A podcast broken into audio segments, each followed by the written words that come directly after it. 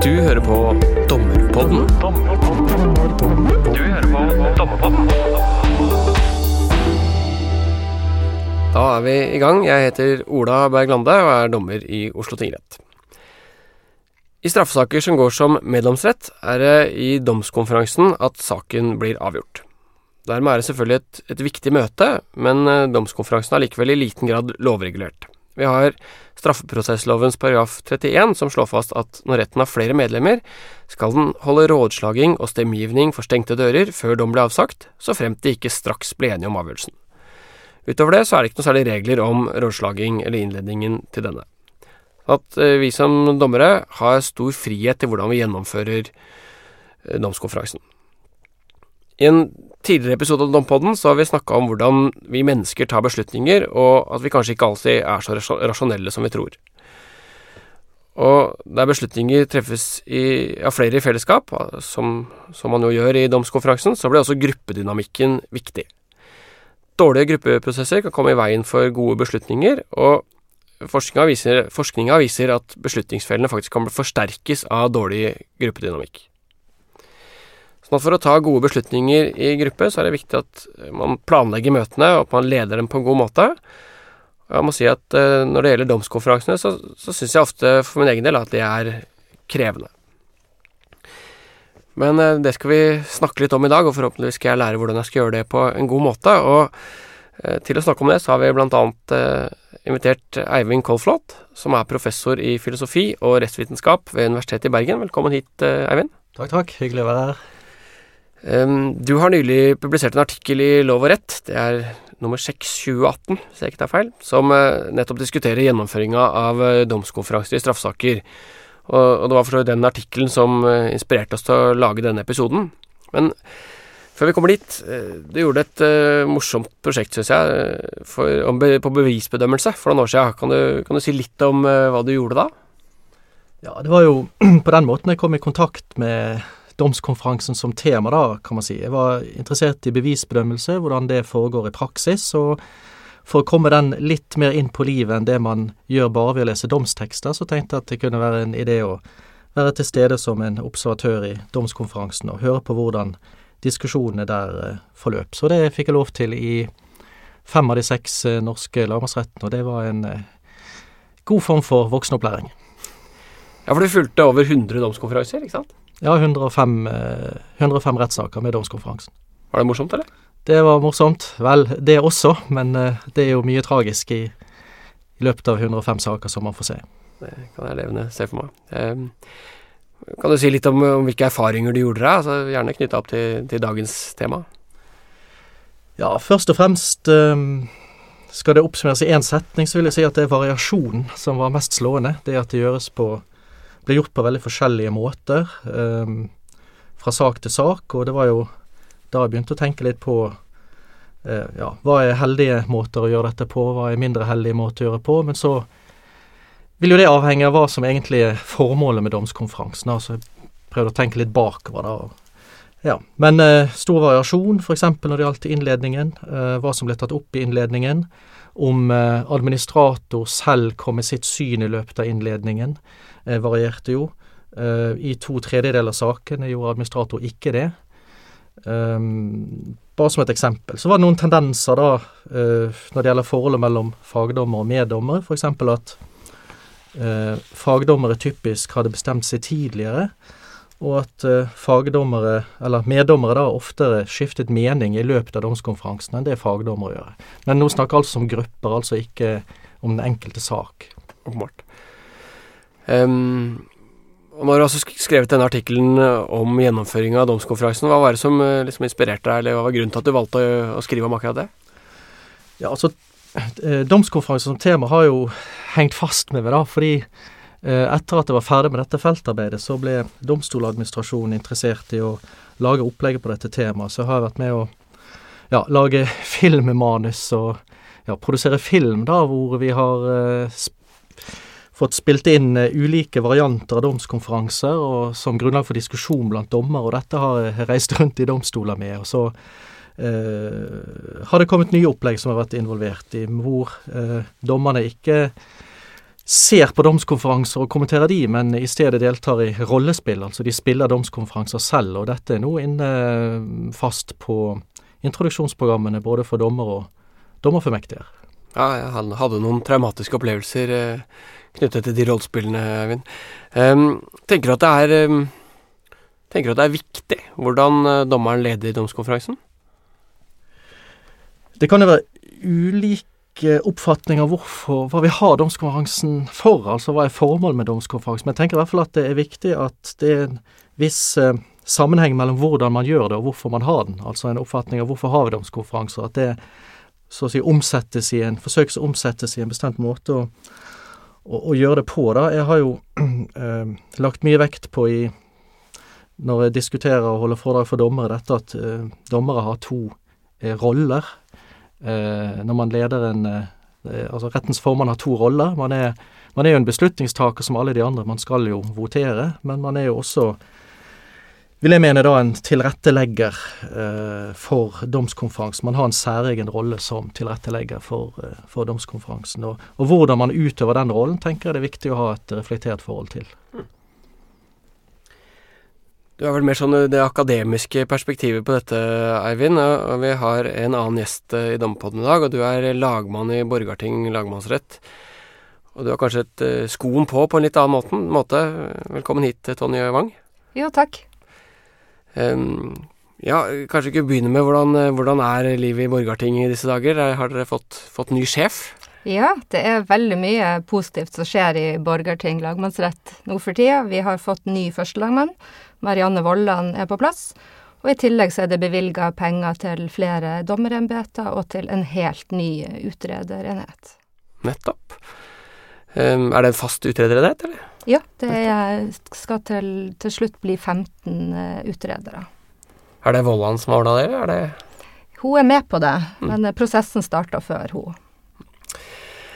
Bra. Vi skal ikke snakke så mye om livet i Borgarting, men men om domskonferansen.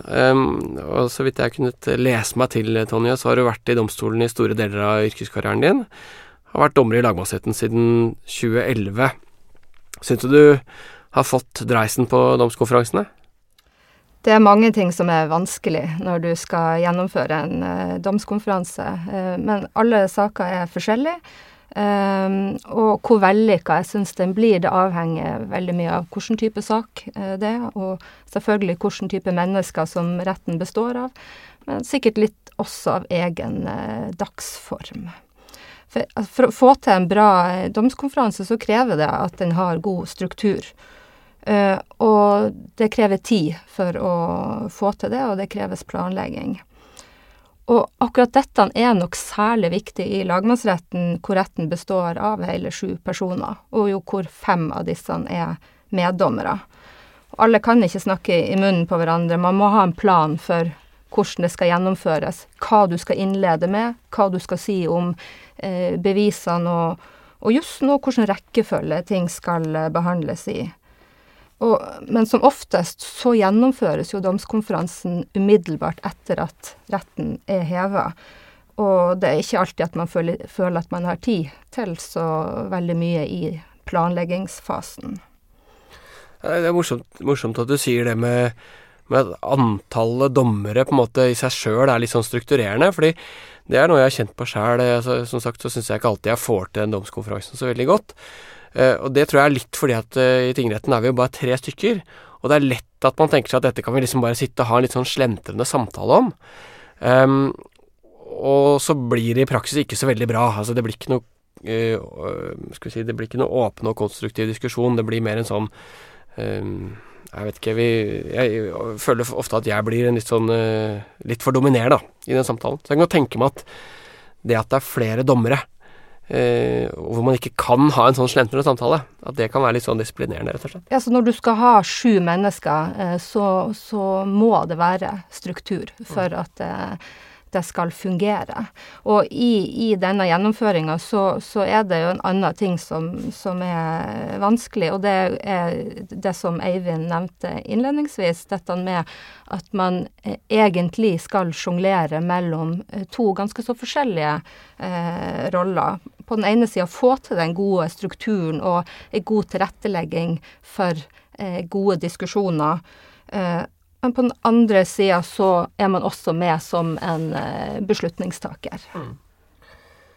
Altså, I i tingretten så er det jo liksom enten fagdommer eller meddommer, mens eh, dere som er i de høyere sfærer Dere er tre fagdommere, eh, to etter hvert. Eh, men der kan man jo på en måte både være Altså man kan være embetsdommer, men, men både lede domskonferansen og være en slags menig deltaker. Har dere tenkt noe på hvordan, eller har du noen erfaringer fra hvordan, hvordan er det å være det ene og det andre, eller hva, hva skiller? Ja, det er ganske stor forskjell på å være rettens leder og det å være med som en av eh, fagdommerne, uansett om det da er tre eller to, som det nå etter hvert blir.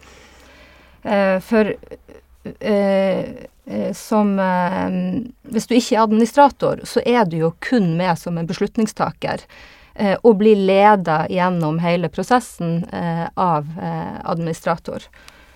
Uh, og, men uansett om man da er bare én av fagdommerne, eller om man er administrator, så må man ha, være veldig bevisst den eh, problemstillinga om eh, hvordan man virker inn på eh, retten for øvrig. Ja, det, det, tenker jeg jo at altså, om du leder det møtet eller ikke, du vil jo kunne ha en like stor autoritet, eller påvirke meddommerne da, på, på like stor måte i kraft av å være skal vi si, en vanlig lagmannsrettsdommer som ikke er administrator, da. Ja, helt klart. Man må være like bevisst det som, som eh, om du er en av fagdommerne eller om du er administrator. Dette må vi jo eh, komme litt tilbake til. Eh, men før vi, før vi kommer til liksom det, de konkrete, den konkrete gjennomføringen av domskonferansen, så tenkte jeg kanskje vi kunne snakke litt om hva, hva er det vi prøver å oppnå? Hva, hva er formålet med domskonferansen? Og, i hvert fall før jeg jobbet, begynte å jobbe med denne episoden av Dompodden, så tror jeg ikke jeg har hatt noe veldig sånn tydelig tanke om det. Eh, altså Åpenbart så er det et mål å finne ut av hva de andre dommerne vil stemme for. Eh, og så er det selvfølgelig et mål at jeg får stemt for det jeg mener er riktig, men, men selvsagt er det noe mer enn det. Um, jeg har vel i hvert fall tenkt at jeg i tillegg til å avgi min stemme, har et visst ansvar for å for å veilede meddommerne slik at de i hvert fall kommer til et resultat som kan forsvares rettslig på en eller annen måte. Eh, men utover det så har jeg vel ikke hatt noe sånn veldig bevisst forhold til, til hva, jeg, hva, jeg, vil med det møtet. Det er litt flaut å si det selvfølgelig i all offentlighet, men sånn er det. Men eh, hvis vi begynner med deg, Tonje. Hva tenker du at er formålet med domskonferansen? For det første så er det et kjempeviktig spørsmål å stille, og jeg tror mange tenker sånn som deg, eller ikke har tenkt så mye. Og hvorfor har vi denne domskonferansen utover at vi skal eh, få eh, klarhet i hva de forskjellige eh, mener om saken.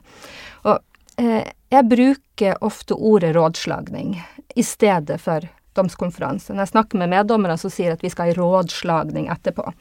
Det er også det begrepet som Høyesterett bruker, og det er jo også lovens eh, formulering. formulering. Og for jeg syns at ordet rådslagning det gir et bedre bilde av hva som faktisk er formålet med denne øvelsen. Men, og det opplagte først, for å kunne skrive dommen, så må man jo så klart vite hva de andre av rettens medlemmer mener om skyld- og straffespørsmål, og hvordan de begrunner sitt syn.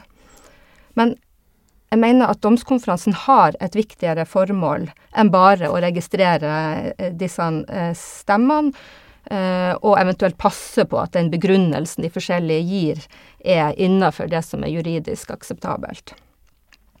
Jeg mener at det er viktig at vi legger til rette for at hver Til rette for at Um, hver av disse stemmene de bygger på en reell uh, diskusjon. Altså at det blir en fri og åpen uh, rådslagning med saklige argumenter, hvor man lytter til hverandre, og så får testa argumentene sine ved at vi får bryne oss på hverandre, og hvor man også faktisk da må ta imot noen kritiske spørsmål. Og jeg tror at det gir et best mulig grunnlag for en betryggende bevisbedømmelse. Men det er helt klart det er krevende å få til, og det må gjøres på en varsom og hensynsfull måte, og på en pedagogisk måte. Eivind, du, du, har jo skrevet litt om det i din artikkel, altså hva du tenker om, om formålet. Jeg vet ikke om du har lyst til å spille inn eller kommentere det, det Tonje sier det? Ja, altså I tillegg til et sånt rent registreringsformål, så tenker jeg da at um, domskonferansen, eller rådslagningen, um, kan ha um, et kvalitetssikringsformål. Og jeg tenker at det bør ha et sånt kvalitetssikringsformål. Vi vet stadig mer om uh, psykologiske feilkilder som spiller inn i, vi, i, vår tenkning, i våre vurderinger. Og jeg tenker at uh, rådslagning kan være en måte å få etterprøvd individuelle vurderinger, eh, med muligheter for å få jevnet litt ut eventuelle skjevheter i de vurderingene. En, slags form for kollektiv bevisbedømmelse da, som skjer i domskonferansen, i tillegg til den individuelle som mange har gjerne foretatt i løpet av hovedforhandlingens eh, gang. Men da tenker jeg det er en forskjell på å være i en, en, ja, vi kan kanskje si argumentasjonsmodus, da, altså det å bryne seg på hverandre. Eh, det er én tilnærming. En annen tilnærming som vi kan kalle kanskje mer sånn undersøkelsesmodus, at man liksom sammen utforsker uten at det er konfrontering av eh, standpunkter og begrunnelser mot hverandre. Eh, jeg tenker at eh, eh domskonferansen kan godt være en arena for, å, for en slags sånn fortsatt sannhetssøken. Altså at fortsatt, man, man, sitter der fortsatt og undersøker saken. Og legger til side litt egne oppfatninger i utgangspunktet. Setter de litt i parentes og prøver å gå inn i dette på en åpen måte. Det forstår jeg dere egentlig begge sånn at at det er gruppeprosessen som står for kvalitetssikringen, ikke fagdommeren. Altså Det er ikke sånn at uh, fagdommeren skal gå og passe på at meddommerne har fått med seg uh, bevisene på riktig måte eller skjønt jussen på riktig måte, men at det er prosessen som for oss alle, altså alle deltakerne, på en måte bedrer uh, Altså at prosessen i seg selv bedrer beslutningen.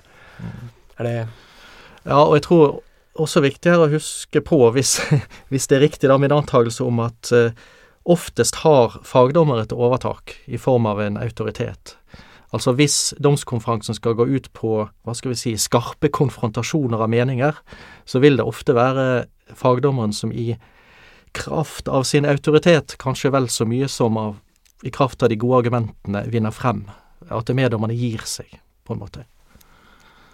Og at det taler for en mer sånn undersøkende tilnærming da enn en sånn argumentasjonsmodus, om vi kan si det sånn. Um, jeg er enig i um, Men det er jo likevel sånn et, et, spenn, et, spenningsforhold mellom altså Du nevnte allerede at, at fagdommeren, eller, eller, administrator da i lagmannsretten, har en litt sånn delt oppgave. altså delt, Dels er beslutningstaker, og dels er uh, møteleder, eller tilrettelegger, som du kalte det. Det er jo et spenningsforhold mellom det, for, fordi hvis man som eh, møteleder gir sterkt uttrykk for eh, sitt eget syn, så risikerer man jo at eh, den autoriteten man har som møteleder, på en måte ødelegger diskusjonen litt. Jeg vet ikke om dere har noen tanker om det? Ja, altså eh, de der to eh, forskjellige rollene, altså som eh, tilrettelegger og beslutningstaker, det er, kanskje ikke sånn at man alltid er like bevisst at man har to så forskjellige roller, og, og når man er i den Når man går inn i, i hver av de rollene. men det tenker jeg er noe som vi kanskje i større grad skal ha bevissthet rundt, for det å ha, det å innlede saken på en, nøytral eh, måte, være bevisst på eh, når du da har gjennomgangen av saken, hvilke bevis du da eh, skal trekke frem, eh, hvordan du redegjør for, for, for eh, jussen på området, det har ganske mye å si for hvordan diskusjonen blir videre. Og, og, dette er jo det, det, det, er sånn at du, hvis man da allerede har et syn sjøl, så vil det jo selvfølgelig være vanskelig at ikke det preger det du sier i, uh, i innledninga di. Uh, men uh, jo mer bevisst man er på det, jo, jo bedre grunnlag har man for å lykkes. Og hvis vi trekker en parallell til lagrettesakene, eh, der har jo eh, mange dommere i lagmannsretten trening i det å ha ei rettsbelæring. Og i rettsbelæringa gjør vi jo nettopp, nettopp denne øvelsen. Vi er kun tilrettelegger for den diskusjonen som lagretten eh, skal ha når de går til sin rådslagning, som vi kaller det. Der foretar vi en gjennomgang av eh, bevisbyrderegler og beviskrav, eh, eh, hvordan jussen på dette området skal forstås. Eh, og man foretar et utvalg av Eh, de bevisene som man mener at kan være særlig eh, relevant at lagretten vurderer nærmere. Eh, og denne øvelsen den har man jo gjort mange ganger, og mange tar også med seg den øvelsen inn i meddomsretten og bruker den samme teknikken overfor for meddommerne. legger til rette for en diskusjon ved å ha ei sånn slags rettsbelæring, og så trekker man seg litt tilbake da som beslutningstaker. Jeg syns også det virker veldig fornuftig, og det var litt sånn eh, eh, Jeg syns det var en veldig god idé. Du har også nevnt det i din artikkel, Eivind. Så da jeg leste jeg tenkte at det var veldig, veldig fornuftig å tenke litt på hvordan Altså nå har ikke jeg gjort det, men, men hvordan jeg ville ha gjort det, da, i en lagrettesak, når jeg kommer inn i, i Eh, med altså i domskonferansen. Ja, når det gjelder tilretteleggerrollen, så vil jeg tro at altså hva som ligger i den, så tror jeg alle vil være enige om at det ligger en ordstyreroppgave der, som Tonje har vært inne på tidligere. Eh, man skal være juridisk veileder. Det tror jeg alle vil være enige om ligger i den, den rollen.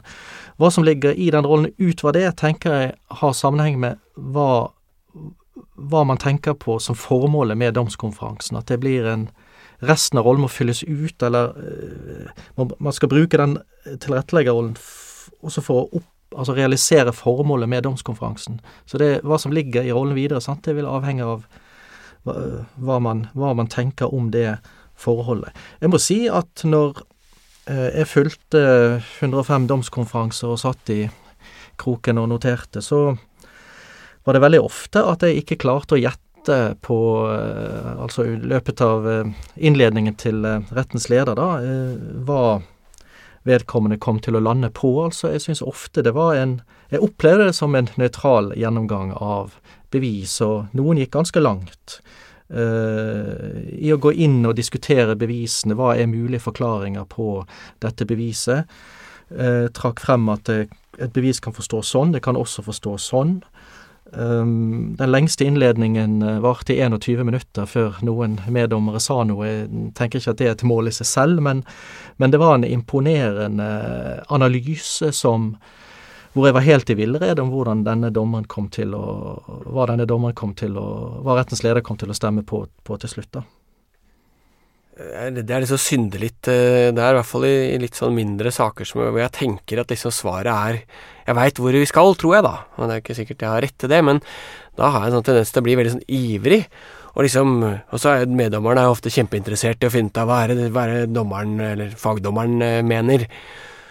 Og så syns jeg det er vanskelig å liksom legge skjul på det, og så sitter vi de tre der inne på kontoret mitt, og så, og så blørper jeg ut da med, med hva jeg mener.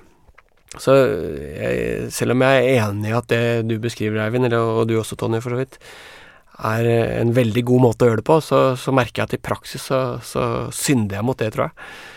Um, men der er det kanskje også, en, som vi snakket om litt i forkant, Tonje, litt sånn forskjell på på de sakene vi har i tingretten og de sakene dere har i lagmannsretten?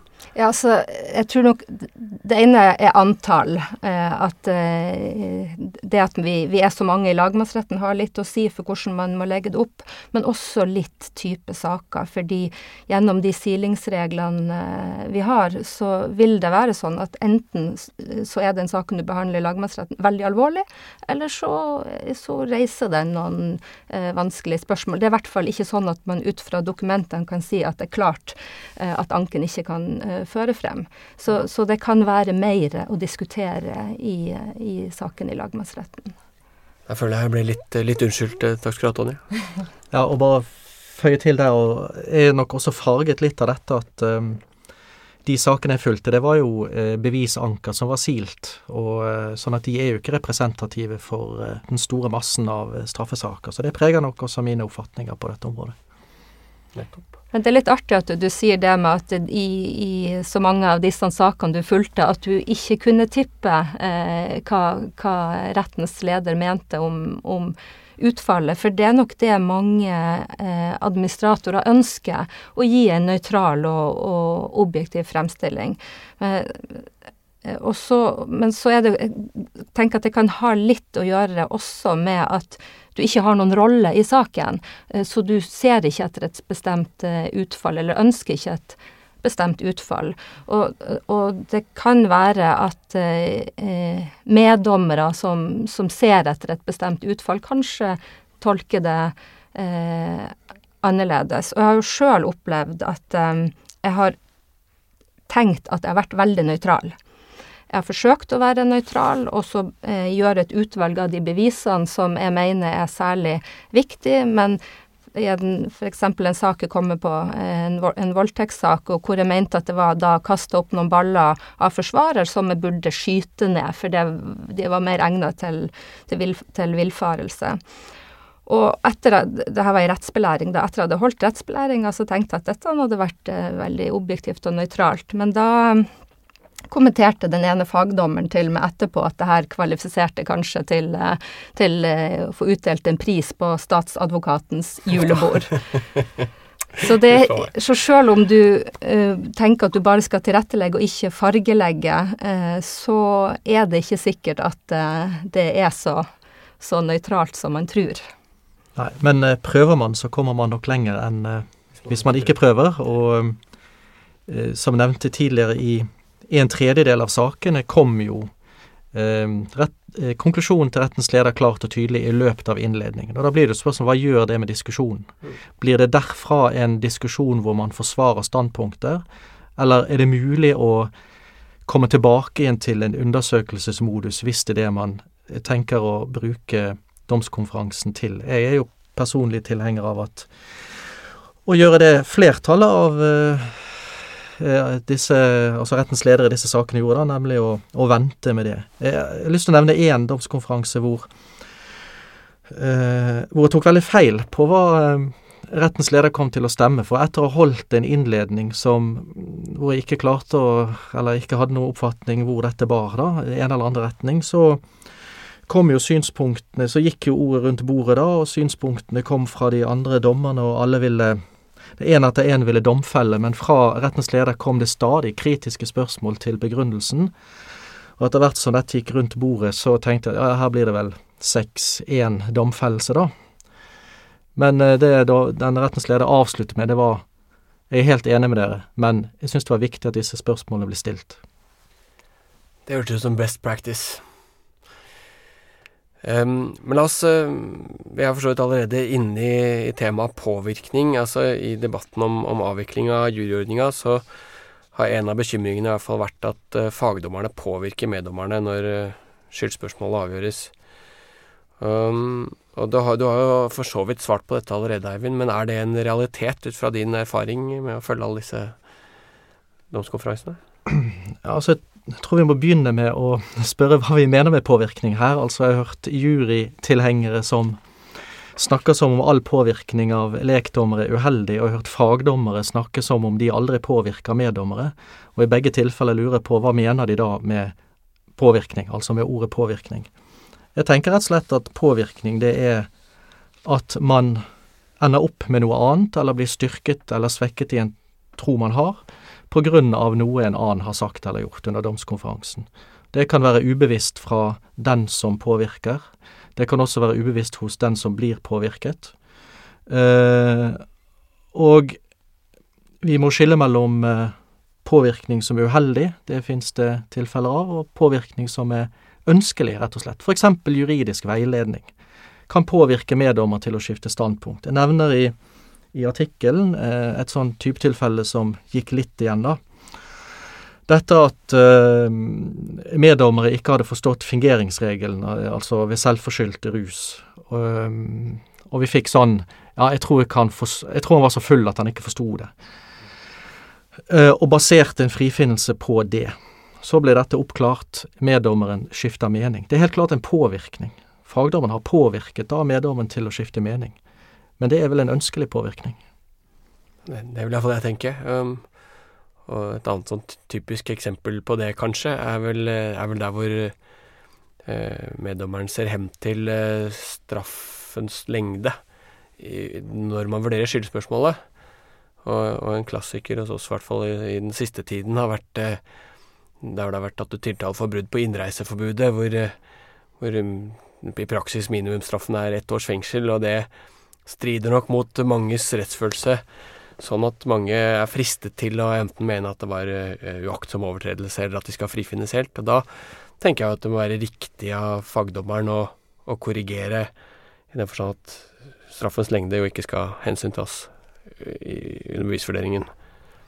Ja, og når man får til den type diskusjon i, eh, i eh, rådslagninga, sånn at disse synspunktene kommer frem, og man ettergår begrunnelsen til den enkelte, så kan det være sånne ting avdekkes. F.eks. at man eh, ser hen til straffen, eller det kan være at man vil gi eh, tiltalte amnesti. Eh, vært borti det. At man mener at egentlig en annen eh, som var hovedmannen eh, her, han var i den saken min, han var mindreårig og kunne ikke tiltales. Men eh, at det var på en måte bærende i begrunnelsen. I samme sak kom det frem at det var, man hadde sett hen til eh, sympati for, for, fornærmede, at det var helt avgjørende for fornærmede å få en domfellelse her på tiltalt i saken, sånn at hun skulle kunne gå videre. Så, så det er noe eh, utrolig viktig å, å, foreta den undersøkelsen. Hva er det de ulike eh, de ulike standpunktene egentlig bygger på? Og den type påvirkning eh, den er jo helt nødvendig. Den, det, da snakker vi om påvirkning som noe som er ønska, og hvor vi som fagdommer har en, en plikt til å gripe inn. Men, men jeg tenker at det, her er det et stort spenn fra de opplagte sakene vi har snakka om nå, og til de tilfellene hvor du eh, ja, er dette innenfor det juridisk forsvarlige, eller er det, eller er det ikke innenfor det juridisk forsvarlige? Når skal du egentlig eh, gå inn i saken? Interessant spørsmål. Ja, um, og hensynet til at uh, avgjørelsen skal bygge på juridisk akseptable premisser, tenker jeg er helt sentralt her. Men én ting for å prøve å kaste inn en brannfakkel her, da. Er det sånn at uh, hvis man er enig med den meddommeren som bygger på feilaktige premisser, så er man litt mindre ivrig når det gjelder å uh, få frem det og få korrigert det. Så er enig i resultatet, mener du, men uenig i begrunnelsen? Ja. ja. ja. Er, jo... er, det fordi man er, er det fordi man er uenig at man tar tak i det? Da er det beslutningstakeren som uh, Da er det beslutningstakeren som spiller her, sant? Eller er det tilretteleggeren som ville gjort dette uansett? Ja, og der må du jo være veldig bevisst på hvilken eh, rolle du har. At du på en måte Den beslutningstakeren i det, altså ditt syn på saken, det må trekke tilbake. Det, det, det er en rolle som du må, må, trekke litt tilbake, og så må du være tilrettelegger. Og, og, eh, men, men, vi er jo mennesker i, dette, eh, i denne eh, prosessen, og det, det du spør om er jo høyst relevant om man kanskje da er litt mindre ivrig på å Eh, gå inn eh, og eh, påvirke, hvis du mener at konklusjonen er jo tross alt riktig. Ja, det kan være realiteten, i hvert fall. Mulig å tenke seg. Men jeg syns det er litt morsomt. Vi snakker om, om å veilede, og, og, du snakket om at man har en plikt til å gripe inn. Og det ansporet meg litt til å tenke på sånn hvor eh, Hvis jeg mener at en, en meddommer eh, argumenterer med noe som er juridisk uforsvarlig, så kan jeg jo på den måten altså, En alternativet mitt er å veilede litt, si jeg tenker nok kanskje at jussen er sånn og sånn. Eller så kan jeg trykke på litt og bruke dommerautoriteten til å forklare at sånn er det, og det, det er ikke noe å lure på. Altså, hvor øh, Hvor øh, tydelig bør dommeren være, være da, i veiledningen på det rettslige? Noen av dere som har noe innspill? Nei, altså dette er jo Vi eh, er jo ulike personligheter som, som går inn som eh, tilrettelegger i eh, domskonferansen. Og hver og en har eh, sin stil, eh, og den vil man ta med seg inn i prosessen. Det er vanskelig å være noe annet enn en det du er. Men, men det man må være utrolig opptatt, bevisst på når du går inn og sjekke ut den, den, den, standpunktene til de forskjellige, det de bygger på, om det nå egentlig er sånn, eller om det kanskje egentlig kan være en annen forklaring. Det er den rollen man har eh, som, som, fagperson, og den makta eh, som ligger i det. Og det gjør at ting kan oppfattes mye sterkere enn eh, det man har meint at det skal være fikk jeg en liten assosiasjon til det, for det tror jeg er helt riktig. og da jeg var dommerfullmektig i Nedre Romerike, så hadde jeg altså Det var ikke en domskonferanse, vi hadde en hovedforhandling hvor um, den ene parten hadde en åpenbart bedre sak enn den andre, og, og den parten var da også representert ved en advokatfullmektig fra et av de store advokatfirmaene. altså Jeg husker ikke om det var Wiersholm eller Vikborg eller noe sånt. Um, sånn bankers vinnersak, og fra tilsynelatende sånn ressurssterk uh, men, men, det var da åpenbart en sånn advokatfullmektig sak. Da hadde ikke så erfaren uh, i retten. Så begynte hun å lese fra, fra prosedyren sin, og så på et eller annet tidspunkt Og hun leste virkelig manuset sitt, og så stoppet jeg henne. og så og så sa jeg du, jeg skjønner ikke helt liksom rekkefølgen her. Det var noe med hva som var prinsipal og hva som var subsidiær anførsel, jeg er ikke sikker. Men så ser hun på meg, og så fortsetter hun bare å lese. Og så lot han holde på litt til, og så stoppet jeg en gang til sa du, jeg forstår ikke ordentlig resonnementet ditt, jeg tror du må liksom prøve å frigjøre deg litt fra manus. Så, så hyggelig som jeg gjør det nå. Eh, og så begynte hun å gråte. Og det var så sterkt for meg, fordi jeg hadde ikke, det ikke, ikke liksom mine villeste tanker at det skulle skje. Men det var en sånn påminnelse om hvor, eh, at den rollen man sitter i, gjør noe med andre mennesker. Og det er en effekt som jeg er sikker på også gjør seg gjeldende i namskonferansen. Ja, det er en påminnelse om hvor mye makt man har i den uh, posisjonen. Og det gjør at man nok må være mye mer varsom enn det man ellers ville ha, ha, ha vært hvis at jeg skulle gjøre deg oppmerksom uh, på noe. Så kan jeg si det på en, en uh, som kollega en vanlig måte, mens overfor en meddommer så må du tenke på, på å kanskje bruke et annet mer forsiktig språk.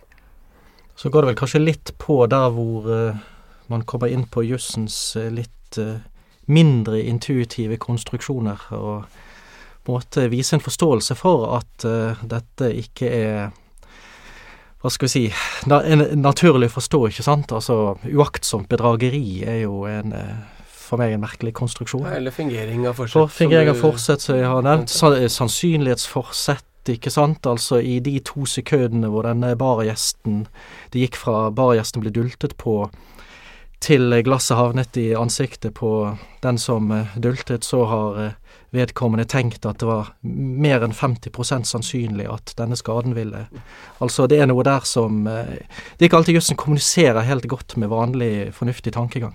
Nei, og det der er jo en, en virkelig en gjenganger, særlig når man snakker om forsett, å forklare dette til eh, meddommeren, og det at når man skal gå inn i tiltalte sitt hode, og så skal du holde det opp mot beviskravet om at de skal være sikre.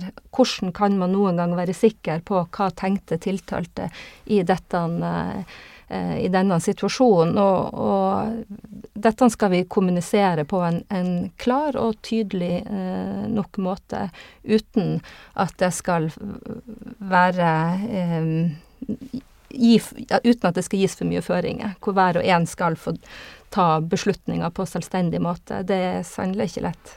Og så har vi dolus eventuale som et C-moment. Ja, det er vanskelig for de fleste av oss. Eh. Jeg hadde et, et eksempel fra en, en, en veldig eh, Jeg syns det var en pedagogisk øvelse fra min kollega i en dolus eventuale-sak som jeg hadde for, eh, for litt siden. Da var jeg rettens leder, og jeg det var kun spørsmål om, om dolus eventualis som var temaet, eh, hvor tiltalte var, var, tatt på grensen med heroin i bilen, men eh, sa eh, at han trodde det var hasj. Og så eh, redegjorde jeg da for eh, bevisregler og for forsettskravet og litt av de bevisene som jeg mente at det var særlig aktuelt å trekke frem. Og mens jeg prøvde å forklare hva som lå i do, dolus eventuale, så så jeg liksom bare alle de fem meddommerne ble litt sånn fjern i blikket. Du, du skjønner at dette Du får ikke helt kontakt. Og etter jeg var ferdig, så spurte jeg om den eh, fagdommeren som jeg hadde med meg, om hun hadde noe å tilføye. Ja, hun tok opp da en, en tepakke som sto på bordet. Så sa hun Hun kunne illustrere da eh, eh denne regelen om, om den mildeste forsettsformen, dolus eventualis, som var aktuelt i saken, med eh, hva hvis hun hadde vært på en, en uh, coffeeshop i Amsterdam og fikk da denne uh, tepakken fra en mann over disken, og sa med spørsmål om hun kunne ta med seg den til Oslo uh, for 5000 euro. og hun sjekker ikke om det faktisk er te i den. Og da er spørsmålet tenkte hun da muligheten for at det kunne være noe annet enn til at det kunne være narkotika. Og hadde hun da eh, tatt det standpunkt at hun likevel ville gjøre det, eh, hvis det viste seg at det var narkotika. Og hele diskusjonen etterpå ble så bra. Den ble Alle relaterte det til da den teposen. så eh, nei, det er en pedagogisk øvelse. Definitivt. Ja, min kontornabo kaller det for shit-au-forsett. Det er litt sånn shit-au da, jeg gjør det allikevel. Um, Greit. Vi uh, Tiden går litt. Jeg tror vi skal gå over til liksom, å snakke litt konkret om hvordan vi gjennomfører domskonferansen. Og I artikkelen din, Eivind, så, så har du skrevet følgende Oppsummert skal beslutningstageren ta stilling, mens tilretteleggeren skal være nøytral. Siden man ikke får til begge deler samtidig, er det behov for at rettens, rettens leder skiller mellom de to rollene under domskonferansen. Det syns jeg ga god mening, og, og da har vi forstått diskusjonen vår så langt om at uh, vi tre i hvert fall er enige om at, uh, at det er tilretteleggeren, tilretteleggerrollen som har fokus, i i den første delen av, av uh, domskonferansen. At det er fornuftig for å få en, en, god diskusjon og en analytisk diskusjon. Men man er jo også beslutningstaker, altså, så, så, hvordan skal man helt konkret gi uttrykk for sin mening, og når? Jeg vet ikke om det er noen av dere som føler dere kallet til å mene noe om det?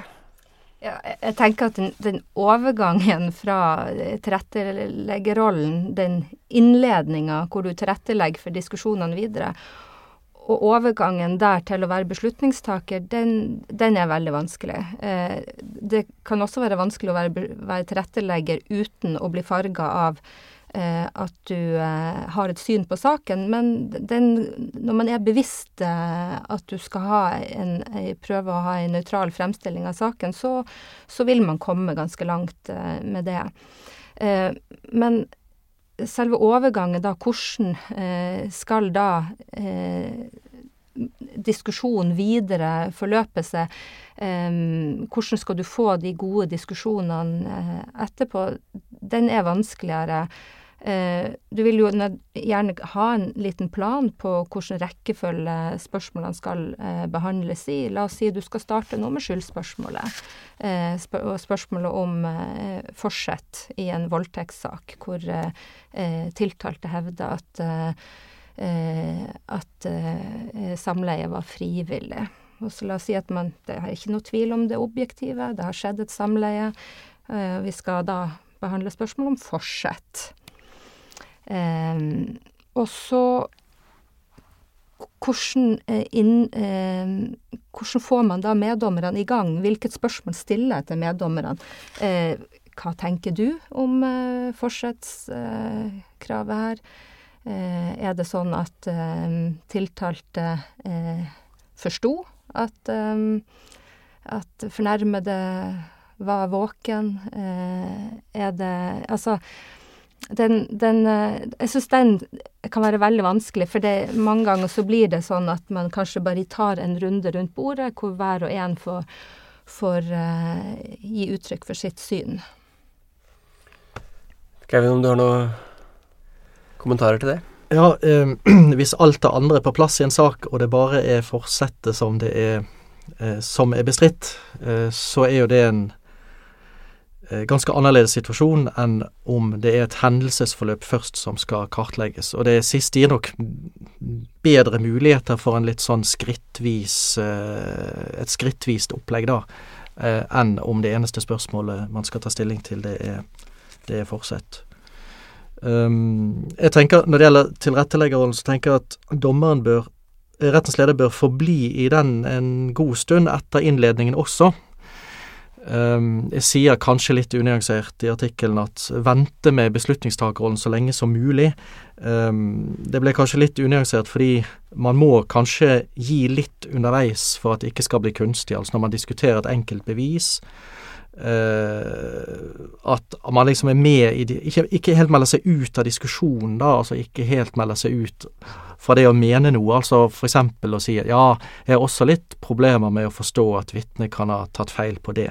Men det er jo å gi litt sånn, det er jo noe helt annet enn å komme med konklusjon på det hele. Uh, så ja Men jeg oppfatter jo det som ofte at meddommerne er veldig interessert i å vite hva min konklusjon er, før de liksom kommer ordentlig på banen sjøl. Hvordan, hvordan tenker du at eh, det kan håndteres på en god måte? Altså Når de spør 'hva mener du'? Ja, Nå har jo ikke jeg prøvd dette selv, da. Nei, Dere har jo fordelen med å ha prøvd forskjellige ting. Men, uh, men, man kunne jo se for seg at uh, Man kunne si tidlig at uh, også min oppfatning trenger å bli kvalitetssikret gjennom en diskusjon som vi skal ha her nå. Så hva jeg mener dere tenkte å legge til side og, og ja, sette det litt i parentes. og gå inn i saken. ta en runde som ja, hvor vi undersøker eh, bevis og diskuterer muligheter, hypoteser, tolkninger av bevis osv. For min egen del så bruker jeg ofte å si det før jeg gir ordet eh, til de andre rundt bordet, at eh, hver og en skal nå få, få ordet. Eh, og så kommer jeg til å si noe til slutt. Eh, og på akkurat dette spørsmålet. Eh, det, man må jo gjerne dele det inn i, de, i flere spørsmål, og, og, hver og en får, får ordet eh, under det spørsmålet vi skal behandle, og så vil jeg si noe til slutt. Og jeg syns jo det er en ganske behagelig rolle å få høre hva alle de andre mener eh, først. Eh, før jeg sjøl trenger å, å ta eh, standpunkt. Eh, og det er jo litt av formålet med øvelsen også, at vi gjennom denne diskusjonen tar standpunkt. Eh, at eh, vi ikke har eh, et, i hvert fall et veldig fastlåst standpunkt fra vi eh, starter. Ja, altså, for, for min egen del så er det sånn sans for det Eivind sier om at, om at man må gi litt.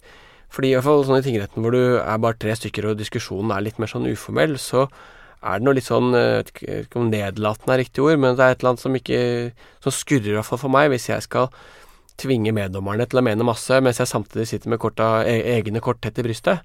Så det, liksom for, å, for, å, få en samtale, eh, fruktbar samtale, så, så, føler jeg ofte at man må by litt på hvordan man tenker sjøl. Jeg vet ikke om eh, hva du tenker om det, Tonje? Jo, jeg tenker òg det at du kan ikke sitte der med alle kortene tett til brystet, og så til slutt når alle er ferdige å snakke, så, så skal du avsløre Sannheten. Sannheten, ja. Men eh, du skal det, Og det vil jo på en måte som regel være en helt sånn naturlig prosess, at når noen eh, sier noen ting, og så viser du på en måte en, en støtte til det, og, og eh, kanskje man da sier seg enig i noen, noe som noen eh, sier, at man litt etter litt kommer med noen sånne drypp, før man kanskje tar den der endelige eh, redegjørelsen eh, og oppsummere ens egne argumenter til slutt. For selv om du sier det enig i et argument, eh, at man kanskje Ja, den forklaringa der legger man ikke så vekt på, du syns kanskje ikke den var så troverdig pga. sånn og sånn. Det betyr jo ikke at man har sagt at du mener at tiltalte er, er skyldig. Det, det, det, det, en, det kan være mange andre momenter i den vurderinga også. Så tenker jeg det, det er en forskjell her på om man er aktiv som tilrettelegger, som en slags analytiker, eller om man er en som mer passivt hører på, tenker seg at man skal høre på hva de andre mener. Altså hvis man er aktiv som tilrettelegger, eh, så, så, vil jo det gjerne gå ut på å følge en struktur. Eksempel ta kronologien i hendelsesforløpet. Gå igjennom fra som skjedde fra begynnelse til slutt. Hva er man enige om, hva er man uenige om? Altså hva er partene uenige om og er uenige om? Eh, hva skal vi mene om dette? Eller man tar bevis for bevis, eh, eksempel. Eh, altså aktivt strukturere på den måten, som er noe annet enn å på en måte gi ordet fritt rundt bordet, da. Eh. For det leder meg litt sånn over til noe annet du skriver om uh, i artikkelen din, Eivind, som, som, er hva Ok, dommeren gir en litt sånn nøytral innledning om saken. Eller forsøksvis nøytral, i hvert fall. Eh, og så skal man på en måte åpne for diskusjon, og hva gjør man da? Og, og da følte jeg meg litt truffet når du skrev at åpne spørsmål av typen 'Hva syns dere?' trolig er nokså vanlig i norske domskonferanser. Det tror jeg nok. Tror ikke jeg også har gjort meg skyldig noen ganger. Og sier sånn 'Ja, ok, hva, hva tenker dere?' Og, og, hvorfor er ikke det nødvendigvis en ålreit måte å gjøre det på, tenker du, Eivind? Det kan jo være at uh, da kommer Da buser meddommere ut med noen konklusjoner som kanskje gjør at den diskusjonen blir litt annerledes enn den kanskje skulle ha vært. Nå er jo dette mine personlige oppfatninger, som, eh, eh, som det vil være delte meninger om, selvfølgelig. Men, eh, og, og, noen mener jo at å stille et sånt spørsmål kan være bra for at meddommere får liksom luftet ut litt, og så tar man diskusjonen. Og det kan godt være sånn. Men jeg tenker at det første spørsmålet kan jo være som et ledd i en plan. Begynne med et bevis. Eksempel når Tonje nevner i sted at Kanskje er man litt farget av, som beslutningstaker med hva man velger å nevne eh, av bevis som har vært fremme i saken. Da kan jo en overgang f.eks. være er det noen andre bevis dere har festet dere ved, og så blir det overgangen, istedenfor det helt åpne spørsmålet hvor det kan komme hva som helst, og hvor man egentlig ikke har styring på, styring på fortsettelsen. Jeg tror jo det med den type spørsmål hva, hva tenker dere om dette? Vi starter eh, med deg, vær så god. Den, det kan jo eh, det, det, kan virke på flere måter. og Du kan få på en måte eh, en svar på mye av det som du som egentlig ikke saken spør om. Og det kan være en nyttig øvelse, ja, som, som du var inne på, Eivind, litt det med at man får snakka ut. Eh, men, men, nok ofte kan man også invitere til en konklusjon, at det er det meddommeren da hører, at de ønsker å få konklusjonen og svaret på er han skyldig eller er han ikke skyldig. Og, og, og så er, er vi jo litt tilbake til det at det vi vel så eh, mye er interessert i og opptatt av, er å få, få begrunnelsen for standpunktet og veien, at vi skal gå gjennom en vei sammen frem til eh, det Eh, standpunktet. Helt, eh, helt, til slutt, eh, ting som jeg Eller en, en, ting. En type meddommere som jeg av og til møter. Er, er meddommerne som, som, ikke vil si noe. Altså enten er beskjedne eller syns det er skummelt å, å, si hva de mener. Er det noen gode tips eller råd til meg eller andre som har samme, samme erfaringer til hvordan hvordan inviterer man dem inn i diskusjonen på en ålreit måte? Ja. Nå, nå, blir jo dette mer synlig og eh, i, ting, i, tingretten, da, når det er to meddommere. Sant? Eh, I, da jeg var i domskonferanser i, i eh, lagmannsrettene med fire meddommere, så var det jo noen som var mer aktive enn andre. og det er det jo kanskje mer rom for Man må jo få vite hva de mener, selvfølgelig, men i hvert fall at det går en stund før alle ytrer seg veldig klart og tydelig, eh, mens eh, eh, i tingretten blir kanskje den, eh, den stillheten blir litt eh, Litt, litt, pinlig, litt, mer pinlig, kanskje. Ja, for jeg, jeg gikk på sånn kurs for kursholdere på jussen, så var det et av tipsene vi fikk for å få studenter som ikke ville snakke. Eh, det var at vi bare skulle stille spørsmål, så vær stille. Og så, så ble stillheten så uutholdelig på et eller annet tidspunkt at, at en eller annen student da til slutt bare ja, ok, jeg får prate, da. Og det funket veldig dårlig for meg, for det var alltid jeg som tålte stillheten dårligst.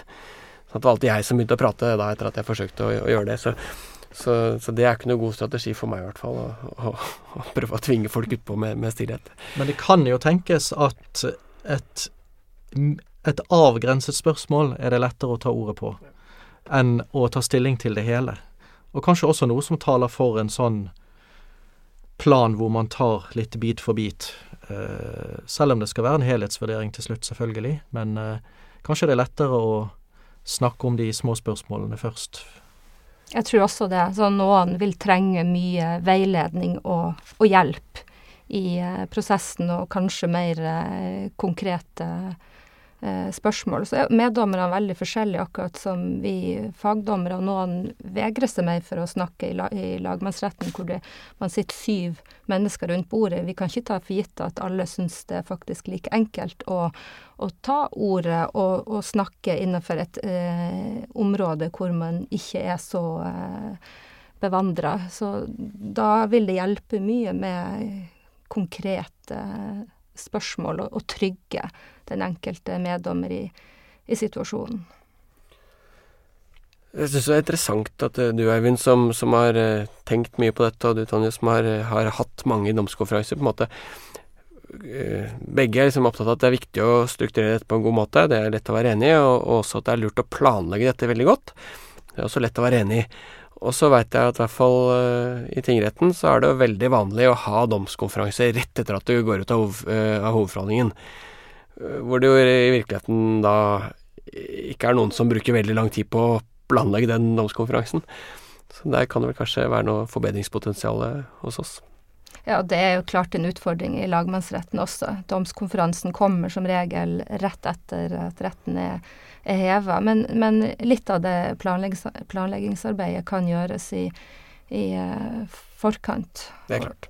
Og, så handler det jo om egentlig også få satt av nok tid til gjennomføringa av hele saken, inkludert uh, domskonferansen. At den faktisk blir uh, anerkjent. Verdien av den blir blir anerkjent at dette faktisk er arbeid som det må brukes eh, tid på den ikke skal legges til fredag mellom eh, fem og seks på ettermiddagen. Vel, jeg lurer på om jeg lar det være siste ord. Um, tusen takk for at du kunne komme, Eivind. Og tusen takk til deg, Tonje.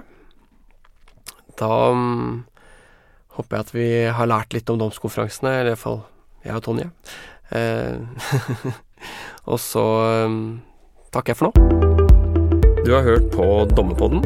Dommerpodden er en podkast fra Norges domstoler, og er først og fremst ment som et kompetansetiltak for dommerne. Foreløpig er dette et eh, prøveprosjekt, og vi som lager podkasten, er interessert i å høre hva du syns.